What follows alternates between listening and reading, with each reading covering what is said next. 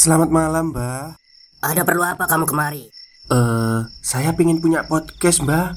Biar pacar saya makin cinta sama saya. Loh, loh, loh.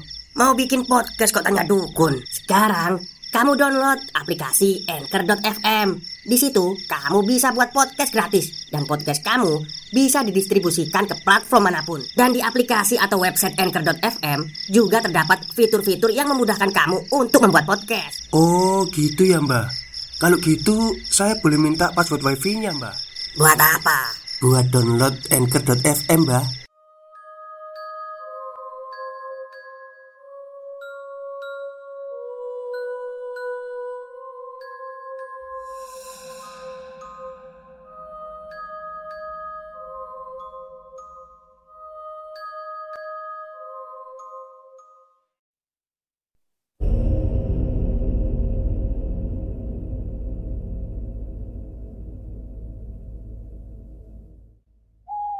Assalamualaikum warahmatullahi wabarakatuh. Halo semuanya, jumpa lagi dengan saya Chow Sing Sing, kurator dari Podcast Horror Night Story.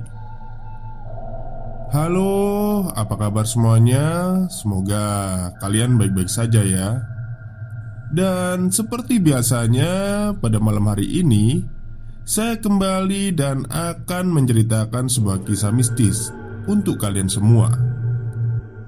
Dan sebelumnya, salam juga untuk sobat HCR, pendengar dari channel Cerita Misteri Rama Atmajaya. Karena ini adalah cerita dari Mas Rama Atmajaya ya. Oke, jadi cerita kali ini Berkisah tentang seorang gadis yang dikhianati oleh pacarnya.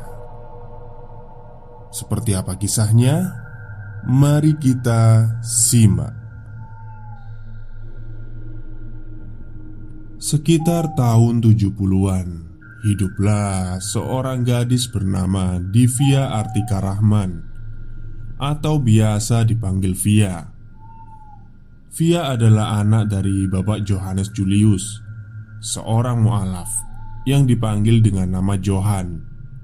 Ibunya bernama Umi Zulfitri atau Buzul. Mereka adalah keluarga yang sederhana. Pak Johan adalah buruh yang bekerja di tempat pengolahan ikan teri, sedangkan Buzul menjadi tukang jahit. Via pernah bersekolah di SMPN 1, tapi berhenti sejak menginjak kelas 2 Karena mau mandiri dan tak ingin terus-terusan membebani keluarganya. Sudah empat tahun Via berjualan jajanan keliling. Dia sering mampir ke kerjaan bapaknya untuk menjajahkan jualan. Soleh Anugrah Ramadan adalah anak dari Pak Hasan Tolabi Juragan Teri atau bos dari bapaknya Via. Soleh dan Via sudah lama berpacaran Tapi secara sembunyi-sembunyi. Soleh malu Kalau sampai ada orang tahu Dia berpacaran sama Via. Takut pamornya turun. Hingga Pada suatu hari Mas Kenapa bawa aku ke sini? Tanya Via kebingungan. Dek, kamu sayang sama aku kan? Soleh tanya balik dengan senyuman manja. Di malam itu mereka hanya berdua. Duduk di bawah pohon beringin yang berada di pinggir jalan. Belakang pohon adalah area persawahan Rindangnya akar dan dedaunan menutupi mereka dari pandangan mata para pejalan kaki yang melewati jalanan itu. Apalagi malam hari dan bulan pun enggan menampakkan dirinya. Waktu itu listrik belum masuk desa. Petromax dan lampu minyaklah yang menjadi penerang warga sehari-hari. Untuk mandi, mereka menghabiskan waktu di sungai dan menimbah air setelah mandi untuk dibawa pulang. Sedangkan air untuk minum, warga memanfaatkan air hujan yang sudah mereka masukkan ke dalam gentong atau tempayan. Pak Abi merupakan satu-satunya warga yang mempunyai televisi saat itu. Masih hitam putih dan masih pakai aki motor. Sedangkan warga lain hanya mengendarai sepeda. Itu pun hanya orang-orang tertentu saja yang mempunyainya. Selain bertemu di tempat kerja bapaknya, Via dan teman-temannya sering main ke rumah Pak Abi untuk nonton televisi. Dari situlah kedekatan Via dan Soleh semakin bertambah hingga mereka berpacaran. Iya, Mas, aku sayang sama kamu kok. Tapi kamu kapan nikahin aku? Udah dua bulan. Aku telat head mas. Jelas Via.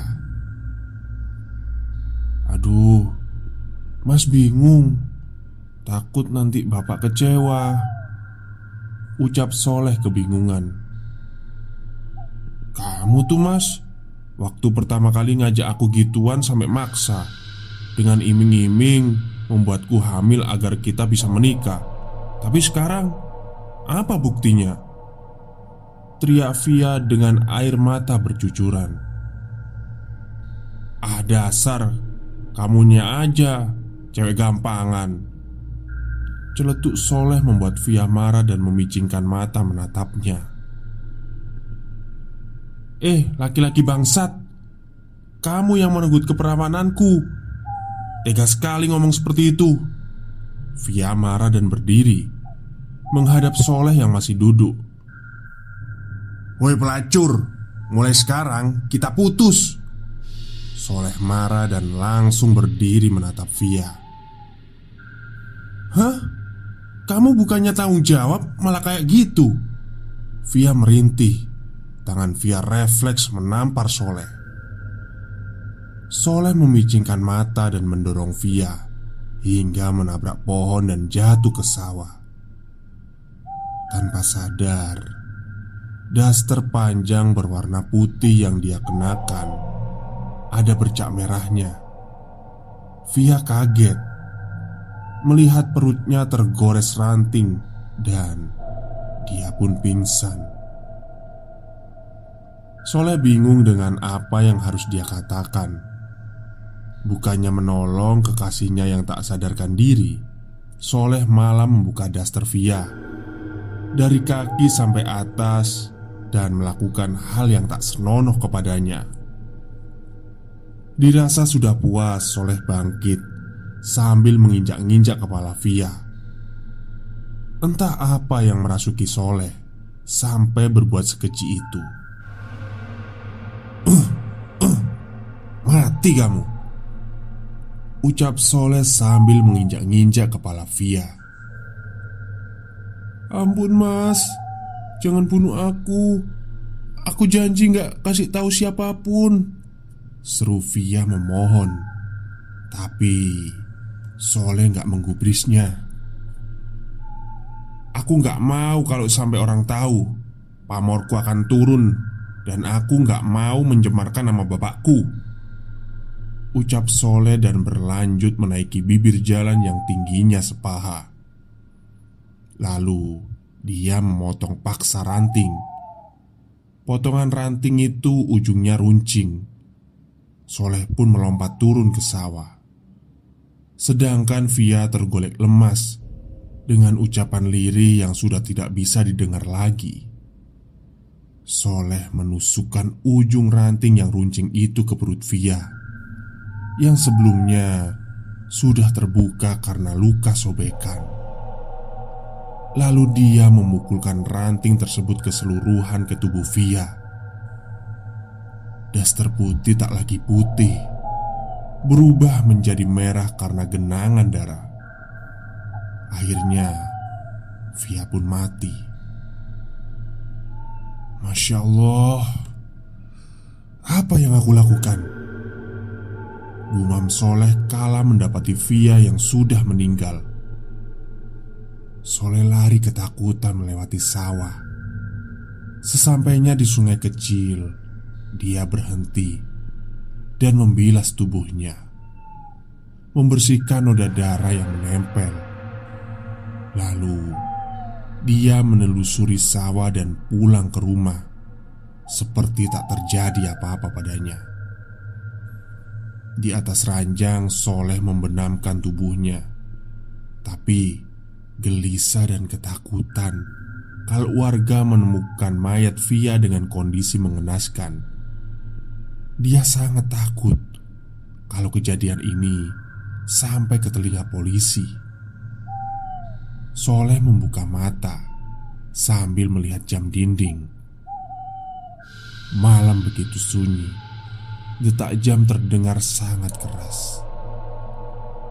Soleh menunggu waktu yang pas supaya tak ada seorang pun yang tahu akan niatnya ingin menguburkan jasad Via. Jam menunjukkan pukul 00 dini hari. Angin dingin berhembus masuk melalui ventilasi udara.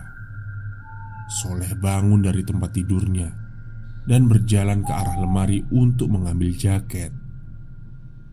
Soleh keluar rumah dengan jalan yang mengendap-endap dia pergi ke gudang untuk mengambil cangkul dan pengki yang biasa buat nyangkul tanah dan pasir. Tiba-tiba terdengar suara wanita tertawa. Namun itu tak menggoyahkan niat soleh. Dia terus berjalan melewati beberapa rumah warga dan masuk ke area persawahan.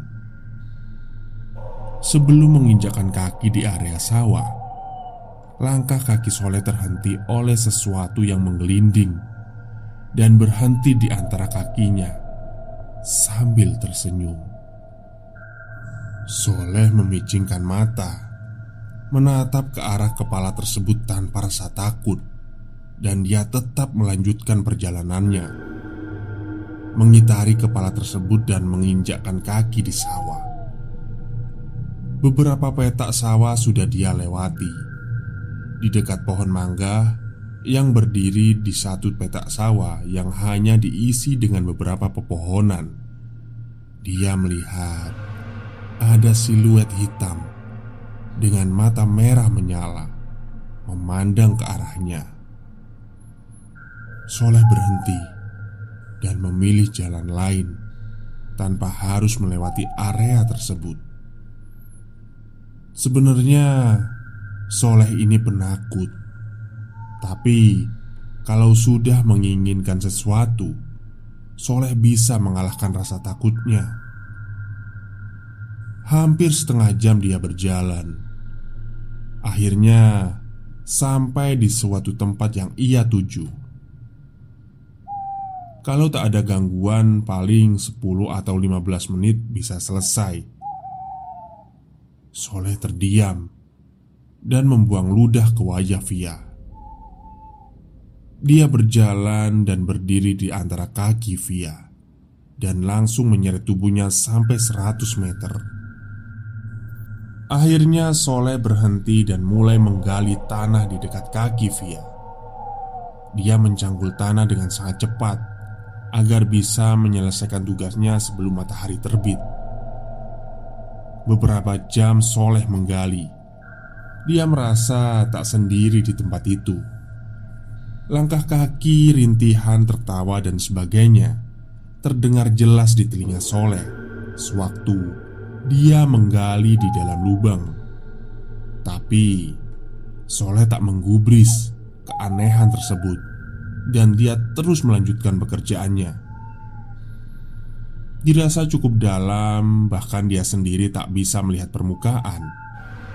Soleh melempar cangkulnya, lalu dia melompat naik ke atas permukaan tanah. Dia menendang-nendang tubuh Via agar masuk ke dalam lubang tersebut tanpa mau mengotori tangannya dengan darah. Jasad Via masuk ke dalam lubang. Dia kembali mencangkul tanah dan memasukkannya ke lubang untuk menutupi jasad Via. Ekor matanya melihat beberapa sosok berdiri melihat Soleh dari kejauhan. Tanah sudah tertutup rapat. Soleh melihat ke arah jam tangan, dan waktu itu menunjukkan pukul setengah empat pagi. Dia meninggalkan area tersebut dan kembali ke sungai kecil untuk membasuh pakaian, pengki, dan cangkulnya yang kotor. Dan kemudian dia pulang dan kembali tidur. Keesokan harinya, saat Pak Randa dan Pak Hasan melewati pohon beringin di pinggir jalan, mereka berhenti karena mencium bau anjir darah. Kala itu, mereka sedang lari pagi. Maklum, pagi itu adalah pagi di hari Minggu. "Dah, kamu cium bau darah nggak?" tanya Hasan. Stop, stop. Kita break sebentar. Jadi gimana? Kalian pengen punya podcast seperti saya? Jangan pakai dukun, pakai Anchor. Download sekarang juga. Gratis. Iya San, bau. Mungkin penunggu pohon beringin ini sedang makan darah. Jelas Randa dan akhirnya mereka berdua pun lari meninggalkan area tersebut. Siang harinya ramai. Banyak warga yang berkerumun. Tapi Jejak darah dan langkah kaki manusia terhapus oleh hujan Hanya meninggalkan genangan darah dan beberapa bercak di daunan Warga berantusias Kalau itu adalah darah binatang dan mereka meninggalkan tempat tersebut tanpa ada rasa kecurigaan. Di sisi lain, orang tua Via mencari, tapi tak kunjung ketemu. Warga mengira kalau Via menjadi korban penculikan karena waktu itu sedang marak-maraknya kasus penculikan remaja yang ingin dijadikan tumbal bangunan. Ibu Zul shock dan hanya bisa terbaring di atas ranjang dengan rintihan yang entah kapan akan berhenti. Berbeda dengan Pak Johan yang masih terus mencari anaknya hingga ke desa tetangga. Kalau Soleh, jangan ditanya. Dia hanya menghabiskan waktunya di kamar untuk tidur, melepaskan rasa lelah dan was-was yang membebani pikirannya. Malam harinya, Pak Abi mengetuk pintu kamar Soleh. Kebetulan waktu itu dia habis lembur dan baru pulang. Nak, makan malam yuk. Ajak Pak Abi sambil mengetuk pintu kamar beberapa kali, tapi tidak ada jawaban. Pak Abi mulai khawatir dan mendobrak paksa kamarnya. Kaget bukan kepalang, Soleh meregang nyawa dengan darah yang keluar dari mulutnya. Matanya pun melotot, seakan menahan sakit yang teramat. "Soleh!" Teriak ayahnya mendekati Soleh. Pak Abi menangis sambil memeluk anaknya. Tangisan Pak Abi mengundang rasa penasaran warga dan segera meramaikan kediaman Pak Abi. Warga datang, mencium bau busuk dan bau amis darah. Padahal Soleh baru meninggal, tapi baunya bikin mereka tak tahan dan berlarian keluar. Pak Abi tak mempedulikan para warga yang tiba-tiba membuat isu tak mengenakan Kematian tak wajar yang dialami Soleh dikaitkan dengan pesugihan dan menuduh Pak Abi telah menumbalkan anaknya. Lalu, obrolan berlanjut ke istri Pak Abi yang sudah meninggal beberapa tahun yang lalu. Tepat sebelum Pak Abi menjadi seorang juragan teri. Mereka juga beranggapan kalau istri Pak Abi dijadikan tumbal. Bukannya menolong dan menasehati Pak Abi agar bisa pasrah dan tenang, Justru mereka menghujat Pak Abi Dengan tuduhan yang tak masuk akal Masih di malam yang sama Dengan nuansa keremangan Ada sepasang pemuda-pemudi Tengah melakukan olahraga malam di bawah pohon rambutan Awalnya Sang perempuan menolak Tapi Si lelaki melucuti pakaiannya dengan paksa dan olahraga malam pun dimulai.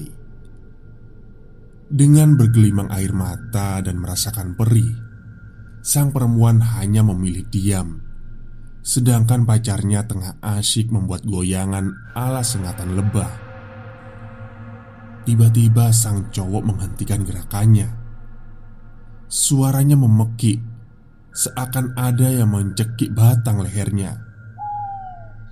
Sang perempuan teriak ketakutan kala melihat sosok perempuan berkain merah tengah mencekik leher pacarnya. Dengan sigap perempuan itu mengambil pakaiannya dan berlari sambil mengenakan pakaian yang dia pegang. Perempuan tersebut bernama Rasinem, sedangkan sang pacar yang ditinggalkan bernama Duloh. Rasinem tak sempat memakai pakaian dalam. Dia hanya mengenakan bagian luarnya saja dan berlari mencari pertolongan warga. Dari kejauhan, Rasinem melihat tiga orang tengah duduk di pos. Dia pun mendekatinya. Woi, Peng, sekarang giliranmu nih. Ujar seorang lelaki menyodorkan minuman yang telah diisi di dalam gelas. "Aduh, Den, kok aku terus sih?" Seru gepeng yang mengelak saat diberi minum sama Ganden. Lah, terus siapa? Songot. Lihat tuh, dia udah teler. Jelas Ganden memberikan paksa minuman itu masih belum dekat. Rasinem ragu. Dia ragu untuk meminta tolong sama ketiga pemuda yang tengah mabuk itu. Tapi tak ada siapa pun di dekat sini karena warga mengunci pintunya rapat-rapat. Akhirnya, Rasina memberanikan diri meminta tolong sama ketiga pemuda itu. "Permisi, Mas," Aku minta tolong Pinta Rasinem dengan nafas terengah Dan air mata yang mengucur deras Hah? Minta tolong apa? Oh, minta ditemenin ya? Tanya Gepeng berdiri Mendekati Rasinem dan mengelus pelan pipinya. Waduh, cantik. Udah gitu kayaknya nggak pakai daleman kamu ya. Teriak songot memandang Rasi nembak kucing melihat ikan. Ah, kampret. Giliran lihat cewek langsung sadar. Seru ganden memukul kepala songot Gepeng memeluk paksa Rasinem Rasinem berteriak minta tolong Tapi tak ada warga yang berani keluar Gepeng, Ganden, dan Songot adalah preman yang dikenal sadis. Tak segan-segan mereka melukai orang. Makanya, warga memilih berdiam di dalam rumah kala ada tiga preman itu tengah mabuk di pos. Woi, bantuin nih. Kalian mau enak-enak nggak? Teriak Gepeng. Kedua temannya langsung turun dari pos dan mengangkat tubuh Rasinem secara paksa. Rasinem dibaringkan di dalam pos. Ganden dan Songot memegangi tangan Rasinem, sedangkan Gepeng tengah melepas pakaiannya. Belum sempat melepaskan celana Rasinem, kedua teman Gepeng kabur, lari kalang kabut. Rasinem terdiam dengan bibir cecetukan. Gepeng tersenyum, mengira Rasinem sudah pasrah Tapi saat dia mencumbu Rasinem, lehernya seperti dicekik oleh seseorang. Rasinem segera bangun, mundur beberapa langkah dan menyandarkan punggungnya ke pos sambil duduk dan memeluk kedua kakinya. Rasinem melihat gepeng yang dicekik oleh serwet abang. Seberapa kuat gepeng meronta tapi tak bisa lepas. Hingga Gepeng pun meregang nyawa dengan kondisi mengenaskan. Siluet abang itu tersenyum melihat ke arah Rasinem yang tengah ketakutan. Tubuhnya sudah nggak mampu bergerak, bibirnya nggak berhenti berkecap. Lalu, siluet abang itu menghilang dengan sendirinya. Barulah beberapa warga keluar rumah menolong Rasinem dan ada salah satu warga yang membawanya ke dalam rumah. Rasinem disuruh mandi dan mengganti pakaian yang sudah warga tersebut siapkan. Warga yang menampung Rasinem sementara adalah kepala RT. Namanya Pak Mugiono. Sedangkan sang istri bernama Bu Amina Dirasa sudah sedikit tenang, Rasinem bercerita. Sebenarnya dia berasal dari desa tetangga. Duloh, pacar Rasinem membawanya ke desa tersebut untuk melakukan hal yang tak pernah Rasinem duga. Awalnya Duloh mengajak Rasinem untuk pergi ke kondangan ke desa nelayan.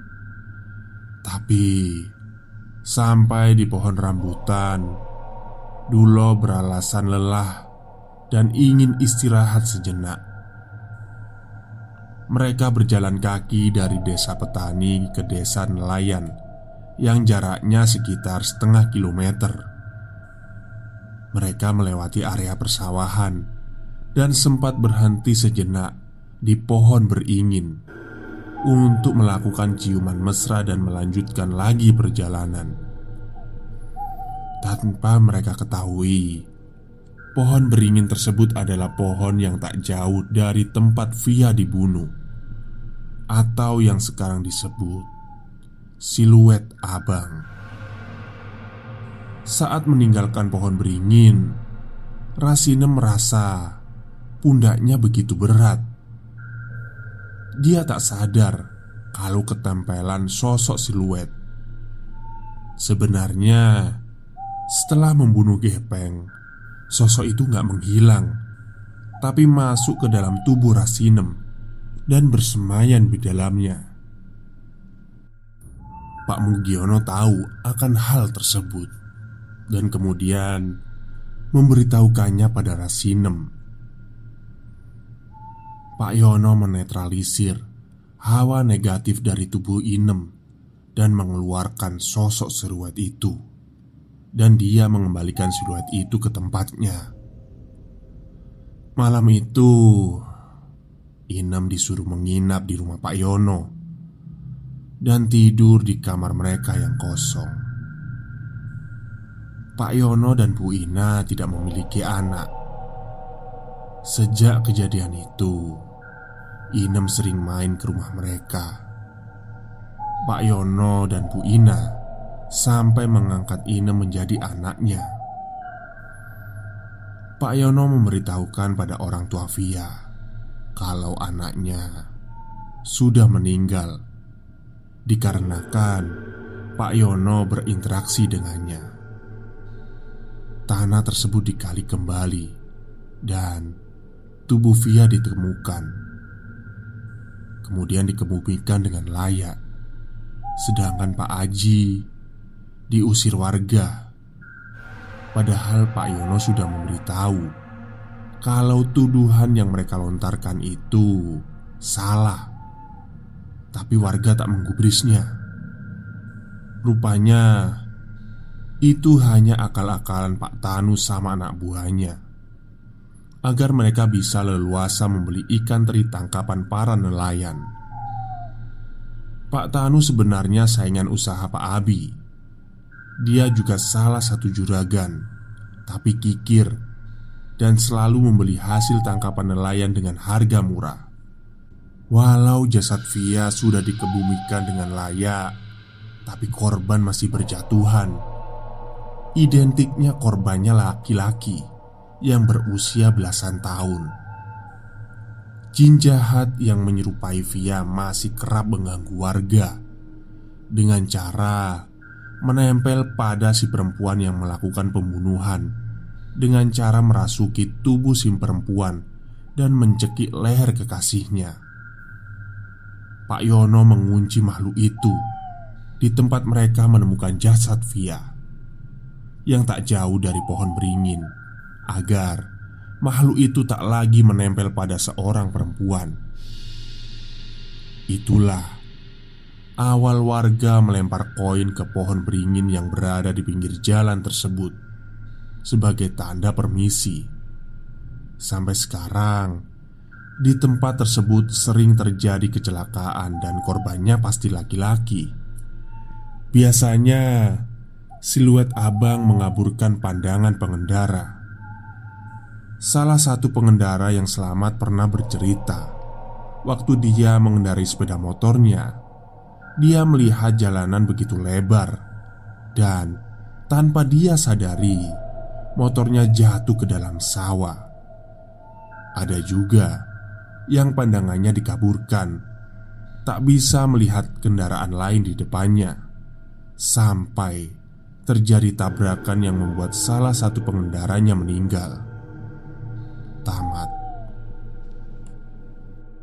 Baik, itulah akhir cerita dari kisah mistis berjudul Daster Merah ya. Dan dalam cerita ini saya sangat salut dan respect terhadap Pak Tanu ya. Jadi dalam keadaan genting dia itu mampu memanfaatkan kesempitan menjadi kesempatan melalui isu-isu atas kejadian ini. Tapi ya, dosa juga sih. Oke, mungkin itu saja cerita dari saya pada malam hari ini. Kurang lebihnya, saya mohon maaf. Wassalamualaikum warahmatullahi wabarakatuh.